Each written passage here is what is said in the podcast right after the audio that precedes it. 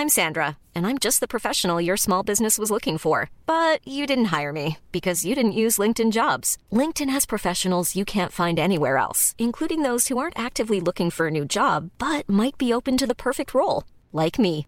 In a given month, over 70% of LinkedIn users don't visit other leading job sites. So if you're not looking on LinkedIn, you'll miss out on great candidates like Sandra. Start hiring professionals like a professional. Post your free job on linkedin.com/people today. There's never been a faster or easier way to start your weight loss journey than with PlushCare. PlushCare accepts most insurance plans and gives you online access to board-certified physicians who can prescribe FDA-approved weight loss medications like Wigovi and Zepbound for those who qualify. Take charge of your health and speak with a board-certified physician about a weight loss plan that's right for you. Get started today at plushcare.com slash weight loss. That's plushcare.com slash weight loss. plushcare.com slash weight loss.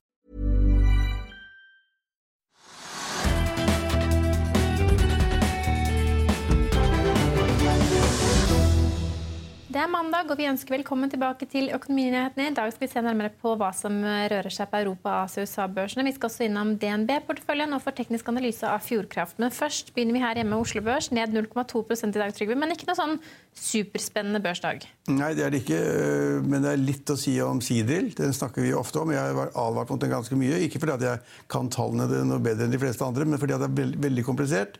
Og det har vært etter en sånn restrukturering og gjeldskonvertering. og og så har de en stor, mektig hovedeier, da, Jon Fredriksen, så selskapet er kjempevanskelig. Det som er nytt i dag, som gjør at selskapet er da dagens taper, det har vært ned nå 17-18 og kursen har jo de siste ligget rundt 40 kroner. Uh, og så faller den nå 17-18 i dag, fordi Carnegie har kommet med en analyse hvor de sier at før så trodde de at aksjen skulle gå i 210 kroner. Det ligger ca. 40 nå. 39-40 kroner. De har sagt at aksjen kunne gå i 210 kroner, men i dag sier de at den skal ned i 25 kroner. Og det syns markedet er skrekkelig, selvfølgelig. Det er da noen som tror at det Carnegie har kommet frem til, kan være noe i, eller de klarer ikke å regne selv, og så bruker de Carnegie som, som rådgiver, og da sier da Carnegie aksjen skal ned til 25 kroner. I dag er den i 38 eller 39 kroner. Ja, og Det sender jo selvfølgelig da aksjen ned akkurat nå 16% nesten på Oslo Børs. Ja, 17-18 har vært. Så, så det er store taperen. Og, og det er liksom litt interessant å følge med på. fordi at man bør jo ikke være, Hvis man ikke er trader og skal liksom satse litt og bare leke litt, så bør man ikke satse mye penger på aksjer som det er nesten umulig å regne hjem. eller regne på. Så det er den ene aksjen. Skal jeg ta en til? Ja, gjerne. Vi, men skal vi bare nevne Oljeprisen står nesten helt flatt fra vi hadde sending på fredag. Vi er nå så vidt under 69 dollar fat på Brenten, og lettoljen er i 58 dollar. Ja. Ja. Så, men det, det må vi selvfølgelig snakke om. Og, og det betyr jo da at det er nok en sånn, slik jeg tror, da, så er det på en måte sånn viss skepsis, skepsis til oljeprisen fremover. Så det er liksom, Den stiger ikke mye lenger, den ligger ganske flatt, eh, som du sier, eh, på de nivåene. Da ser vi også det at Equinor er liksom litt ned halvannen prosent i dag. Vi ser at, også at Aker BP er ned et par prosent. Så det er, det bitte lite press på da oljeaksjene. Og det smitter også over på da masse olje-serviceaksjer som er bitte liten omsetning og ikke betyr så mye. Så, altså, ja, Hvis vi ser på Baker Hughes-tellingen, altså den tellingen av oljerigger som er aktive i USA og selvfølgelig også internasjonalt, det viser at det, det var fire flere aktive borerigger i USA forrige uke. Som kan tyde på at uh, høye priser har gjort at flere har satt riggene sine i arbeid. Det er, ja, da, også, det er en forventning om at oljeprisen skal stige, men, men, og det skyldes da problemene i Libya, problemene i Venezuela, problemet innen OPEC, som skal, vil og ønsker å regulere produksjonen for å få tilbudssiden ned og prisene opp. Og Russland er med på den siden også. På den annen side så er det litt problemer på etterspørselssiden. for at verden, Veksten i verden kanskje blir litt svakere. og masse sånt, at Det er usikkerhet om oljeprisen. Det er ikke slik at alle regner med at oljeprisen skal gå i 80 dollar eller 90 dollar på fat, og, og at det skal medføre at alt som har med olje og, olje og gass å gjøre, eller olje- og skal bli bra, det er ingen som tror på lenger. Akkurat nå så er det liksom litt dempet holdning til akkurat det der. Og det er, mener jeg er allerede god grunn til. og Det var en artikkel i Finansavisen i dag hvor da noen som har god greie på det, uttalte det at liksom, den bølgen vi har sett av refinansiering innen olje- og servicesektoren, den er ikke over. Nå kommer en ny. fordi at liksom oljeprisene holder seg såpass lavt, eller ikke høyere. Og det er nok til det at de, de fleste selskapene innen oljeservice tjener ikke nok penger, og balansen blir svekket, og at bankene er tøffere nå enn de har vært de siste årene. siste to årene, At de da ved nye reforhandlinger vil kreve mye mer av Og sikre seg mot tap ja. så godt de kan. Og derfor, ja, Da ser vi da at PGS, altså seismikk, er ned 8-9 i dag. Borr Drilling, altså Toralv Trøims riggselskap, er ned 3-4 Så Det er et sånn press nedover på hele sektoren. Ja. Vi kan også ta med oss at Det er en annen sektor som er i medvind i dag. fordi Sparebank1 Markets har jekket opp estimater og kursmål på en rekke lakseaksjer. Ja, og det er interessant. SalMar er jo opp 5% Det er jo vinneren på Oslo Børs. Eh, og Det er et stort selskap. Og så har de andre selskapene også fått positive anbefalinger. Og det er, vi kommer tilbake til det at nå, nå altså det er litt komplisert, men nå tror mange det at pga. at 11 000-12 000 tonn laks er ødelagt eller må destrueres eller slaktes, så tror da mange av det at tilbudssiden blir litt dårligere, eller veksten på tilbudssiden blir litt dårligere enn de trodde tidligere. og Da skal prisene opp. Ja, Movi stiger 2,5 Lerøy Seafood opp 1,5 ja, Nå er det vel Austevoll mener jeg går x utbytte. Den er ned 1,2 eh, Og Bakkafrost også faller bitte litt tilbake. Men stort sett er de fleste lakseaksjene solide opp i dag. Ja, I dag tenker liksom markedet at uh, lakseaksjene kommer til å tjene penger. Tilbudssiden litt dårligere, litt ned. Og, og det er sikkert de tjener masse penger. Men så er det da mange unnskyld, mange små oppdrettere som da på en måte har fått problemer med da, de, de algegreiene. Men det er ingen av de store børsnoterede ennå. Og det, det ser ikke sånn ut heller. Storebrand der eh, de kan få et skattekrav på 1,3 milliarder kroner. Aksjen er ned 1,5% akkurat nå. Ja, altså, eh, det, det er, altså ja, Aksjen er ned ca. 2% eller var iallfall ned 2% og Det skyldes da en skattesak fra 2015 hvor da, etter, i forbindelse med, Jeg er ikke sikker på dealen, om det var en oppløsning av et eiendomsselskap eller salg av et eiendomsselskap, gjorde da skatteposisjonen blir helt annerledes. Og nå har de da sagt da at skattemyndighetene mener at de skal betale 1,3 milliarder mer i skatt i 2015 enn det de gjorde. Og det, En sånn sak kan det gå i årevis. altså være, Først er det klagesak hos skattemyndighetene, så det, kan de ta et søksmål ved tingretten og lagmannsretten. Så det der kan holde på i mange år. Men det kan altså da bli 1,3 milliarder mer i skatt. Og Det er klart, det, klart at det påvirker kursen i dag. Så kan vi ta med oss at eh, Norwegian de har en, eh, fly, en Dreamliner som står stille i Canada på en øde flyplass. Har stått der i to uker etter motorproblemer. Ja, Det er, en ganske, altså, det er ikke en stor sak for Norwegian, men det er, liksom, det er stadig nye historier. og så jeg har forstått den historien, som er litt sånn, Det er litt synd på dem. Det var det at de måtte, Pga. motorproblemer på, på Dreamlineren så måtte de lande da på en sånn militærbase oppe i Quebec eller noe sånt. Og så, de, og så, venter de på ny motor, og inntil de får ny motor, så vet de ikke hva de skal gjøre. og Så er de ikke helt sikre på om de får lov å ta av når de får motoren, fordi at det dekket på rullebladet er så dårlig at de liker ikke at flyene lander der. Så de eneste som får lov å lande der, er de flyene som har problemer. Ja, så det er enten først, motor, først motorproblemer, og så problemer med asfalt. ja, det, hvis det er en, Aksjen står i hvert fall i 35,8 kroner og er ned 0,5% Ja, for det er, det er hele tiden. Så ja. det er godt å merke. Altså, det, er, det er skummelt. og det, akkurat den saken der er igjen liksom hvor sårbare de er. Og så er det alle de flyene de har satt på bakken, Max-flyene 737 Max, som da ingen vet når kommer, kommer i lufta igjen. Om det er august eller september eller hva det blir. Det blir i hvert fall ikke juni. Kanskje heller ikke juli. Og, og så er det at det får store konsekvenser at de må ta ut et helt fly som står i et par uker, for de tjener ikke penger på det. Nei. Eh, vi kan jo også ta med oss Rex Solar bør ta med. Ja. Den har også vært ned i dag en 3-4-5 eh, eller noe sånt. Ja. Akkurat nå så er den ned 3% og Det forstår vi, vi har snakket om det mange ganger. Det er liksom handelsavtalene mellom USA og Kina. og at da at de ikke får lov å eksportere noen ting til Kina fordi at eh, USA har da ekstra toll og avgifter på solpaneler fra Kina. Ja, og Litt senere i sendingen så skal vi høre om man faktisk skal eller ikke skal kjøpe tech-aksjer nå med tanke på handelskrigen. Det får vi svar på litt senere. Ja. ja men vi, så må vi, skal vi se om det er noe jeg har gått glipp av her. Da. Vi, har jo, vi kanskje bør ta med bare det at Nasdaq nå faktisk trekker budet sitt på Oslo Børs. Det vil si at Euronext Euronext er nå kjøperen. Ja. Og det er da fordi at Nasdaq trekker budet fordi de hadde noen forutsetninger om at de ville ha så og så mye aksjer for å da helt tatt by på selskapet. at de, Hvis de ikke får så og så mange prosent, så, kan, så, så, faller det bort. ikke sant? Og nå har da uh, Euro, Euronext fått så mye aksjer og har kontroll og fått godkjent av Finansdepartementet om at de kan kjøpe selskapet. Det blir da ikke Nasdaq, og da har de trukket seg også for de som da har sagt at de ville til sette i Nasdaq. De får da liksom tenke seg om hva de da vil gjøre. Noen sier at KPL eller, og DNB ikke helt er sikre på hva de vil gjøre, men altså det høres merkelig ut. De selger vel til den som vil kjøpe aksjene? Mest. Ja, ja. Ja, mest penger i kassa. Ja, Petter Sissener har også sagt at har kjøpt 600 000 aksjer i Solon Eiendom og også økt i Selvåg bolig. Er det noe man skal være i eiendom trygg med? Det er et veldig godt spørsmål. Eh, Solon Eiendom er jo et selskap med ganske rå eh, investorer. Da. Så har de fått en av landets beste eh, eiendomsadvokater som da daglig leder, konsernsjef. Og så har de de råeste investorene, de som liksom er kyniske som rakkeren, som, som aksjonærer. Og så har de åpenbart vært flinke så langt. så liksom, å, å, ta en posisjon der er ikke helt galt. Det vil jeg faktisk si at, at de gjør det. det han, han, henger seg på de store gutta, de flinke gutta.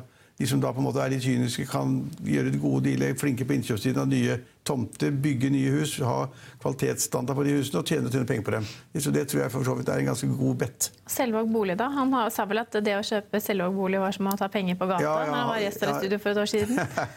han overdriver, men altså, jeg er ikke så sikker på Selvåg. De, men det, det var, altså, resultatene i Selvåg varierer veldig mye hvor mange boliger de selger. Et år skal det være så mange, og neste år er det så mange. Litt, litt, mer komplisert, men jeg tror også de tjener penger. De kommer, til å tjene penger men kommer du til å teste den innendørs skianlegget de bygger oppe Nei, ja. Nei, det, er det Lørenskog? Det er bare Selvåg bolig som det. Ja, det er i hvert fall Selvåg-brødrene som står bak. Brødrene eller noe annet. Jeg kan ikke tenke meg at boligselskapet får lov til å eie den skibakken. Det kan jeg ikke Nei. tenke meg. Nei.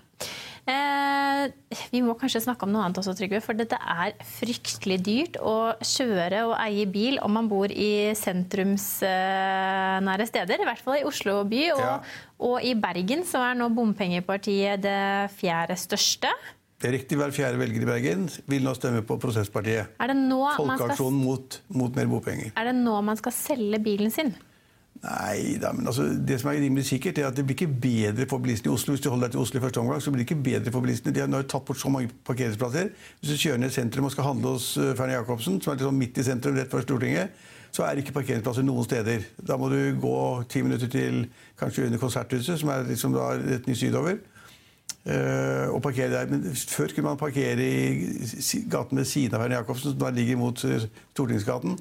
Og det er, det er, så vanskelig å parkere, og det er så vanskelig å krysse byen på øst og vest og syd. og sånn, Det er helt umulig. Og så kommer det nye bomringer? Så kommer det 53 nye bomringer, og alt blir dyrere. slik at Jeg tror folk blir ganske fedd opp av, uh, av eh, det som skjer akkurat nå. At byrådet med Miljøpartiet De Grønne i spissen kjører knallhardt for å få da en bilfri by.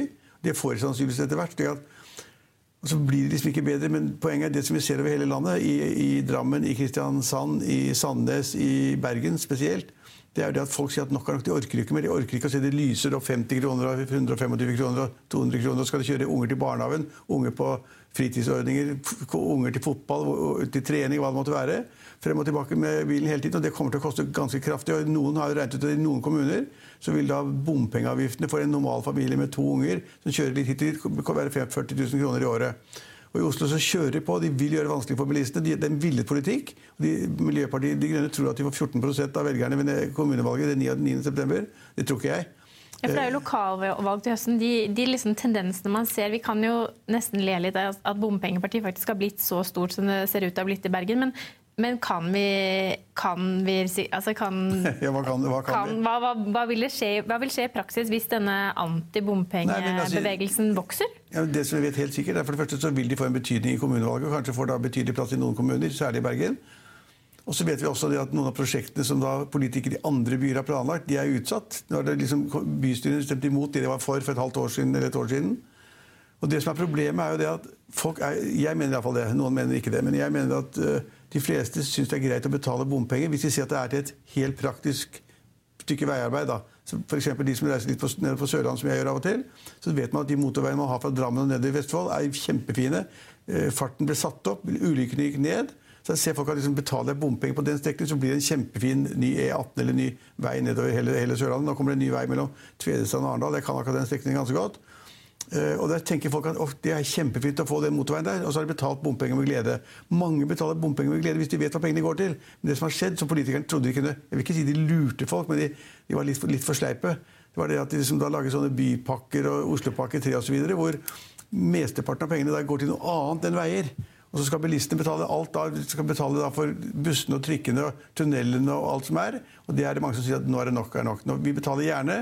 Eh, men vi, vil betale for veier, ikke for alt mulig annet. Og de som da er uenige, sier at ja, bymiljøene er avhengig av at alle er fornøyd. og Vi trenger kollektivtrafikken, vi trenger sykkelstiene, vi trenger gangfeltene. Og det er helt riktig. Men akkurat nå så tror jeg folk, altså politikerne var litt, litt sløve, fulgte ikke med i timen. Folk ble lei av det, det ble for dyrt. Det var for vanskelig, og så ble det for dyrt. Og så sa de nei, nok er nok.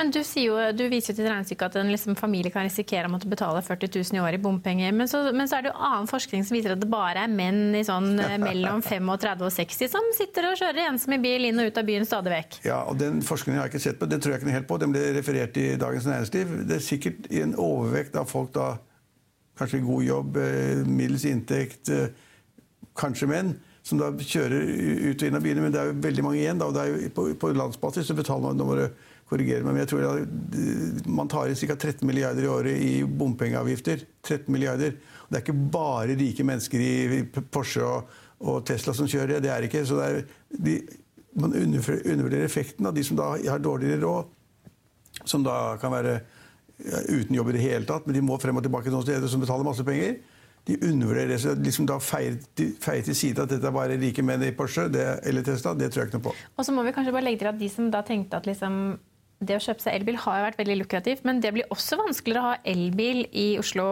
fremover med tanke på at nå, de må også betale bomavgift.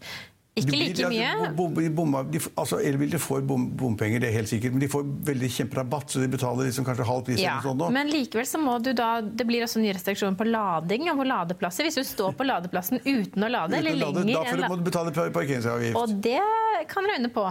Ja, for, de som har parkert, for de som har parkert i Oslo, så vet jeg at hvis du står lenge på en plass ja. og ikke har noe praktisk formål der, så men, koster det. Men altså, Elbiler kommer til å miste noen av fordelene, men de kommer ikke til å miste den kjempefordelen. De betaler i dag ikke engangsavgift ikke moms ved importen til landet. Det er de største beløpene. Og så er det på en måte parkeringsplassen som var gratis først, så kommer de til å koste noe. Og så kommer da passeringen i bommene til å koste noe, men mye mindre enn diesel- eller bensinbiler. da. Så hvis man skulle kjøpt bil akkurat i dag, ville, ville, du ha kjøpt en vanlig bil? Ville du solgt bilen din hvis det var Nei, en bensinbil, mange... eller ville du kjøpt en elbil? Nei, altså, jeg har så mange, har så mange vanlige biler, så jeg holder meg til dem. Men du har ingen elbil? Jeg har ingen elbil, nei. Og det, det er som Petter Stordalen, vet du. Han var jo da på et møte i Oslo forleden. Diskuterte bymiljø og by, by, hele byens utvikling, byutvikling. Og han satt der og sa til alle sammen det at eh, det beste er Oslo uten biler. Ja, han har jo da åtte biler. Ja. ja. ja. Man kjører vel mye utenom? Man skal vel bare rett til flyplassen han, og ta private ja, Det vet jeg ikke, men han har iallfall veldig mange biler. Men han, da, da ble konfrontert med at han hadde åtte biler. Uh, jeg skal ikke kritisere han, jeg har nok biler selv, men altså, da sa han at ja, det er helt sant, jeg har åtte biler. De fleste bilene brukes av ekskoner og eks og barn, og alle han vil hjelpe og være snill med osv. Ja. Men, det, men, det er, men det er Altså, det blir jo vanskelig å være bilist i Oslo. Hvis man, men hvis man skulle ha en bil i dag, så må man kjøpe seg en, synes jeg, blant de billigste elbilene for 200 000-300 000 kroner. Da kommer man overalt, og så er det mye billigere. Ja. Vi får oppsummere med at eh, det blir i hvert fall ikke billigere å være bilist. Nei. Nei. Vi skal videre og etter vinneropptakelsen til DNB Markets på deres uh, ukesportefølje. Vi tar med oss Brentollen. Den er nå ned 0,26% til 69 dollar og 4 cent. Dagsomsetningen på Oslo Børs er 2,1 milliarder kroner.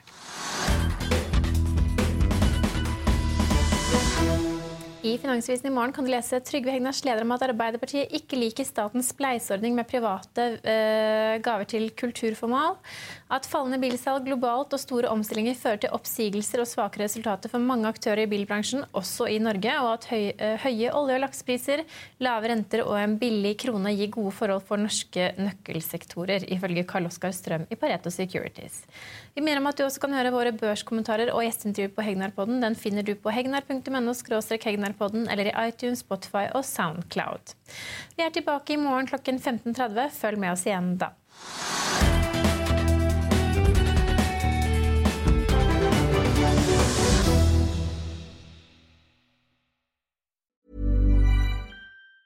Planning for your next trip? Elevate your travel style with Quince. Quince has all the jet setting essentials you'll want for your next getaway, like European linen, premium luggage options, buttery soft Italian leather bags, and so much more. And it's all priced at 50 to 80% less than similar brands. Plus, Quince only works with factories that use safe and ethical manufacturing practices. Pack your bags with high-quality essentials you'll be wearing for vacations to come with Quince. Go to quince.com slash trip for free shipping and 365-day returns.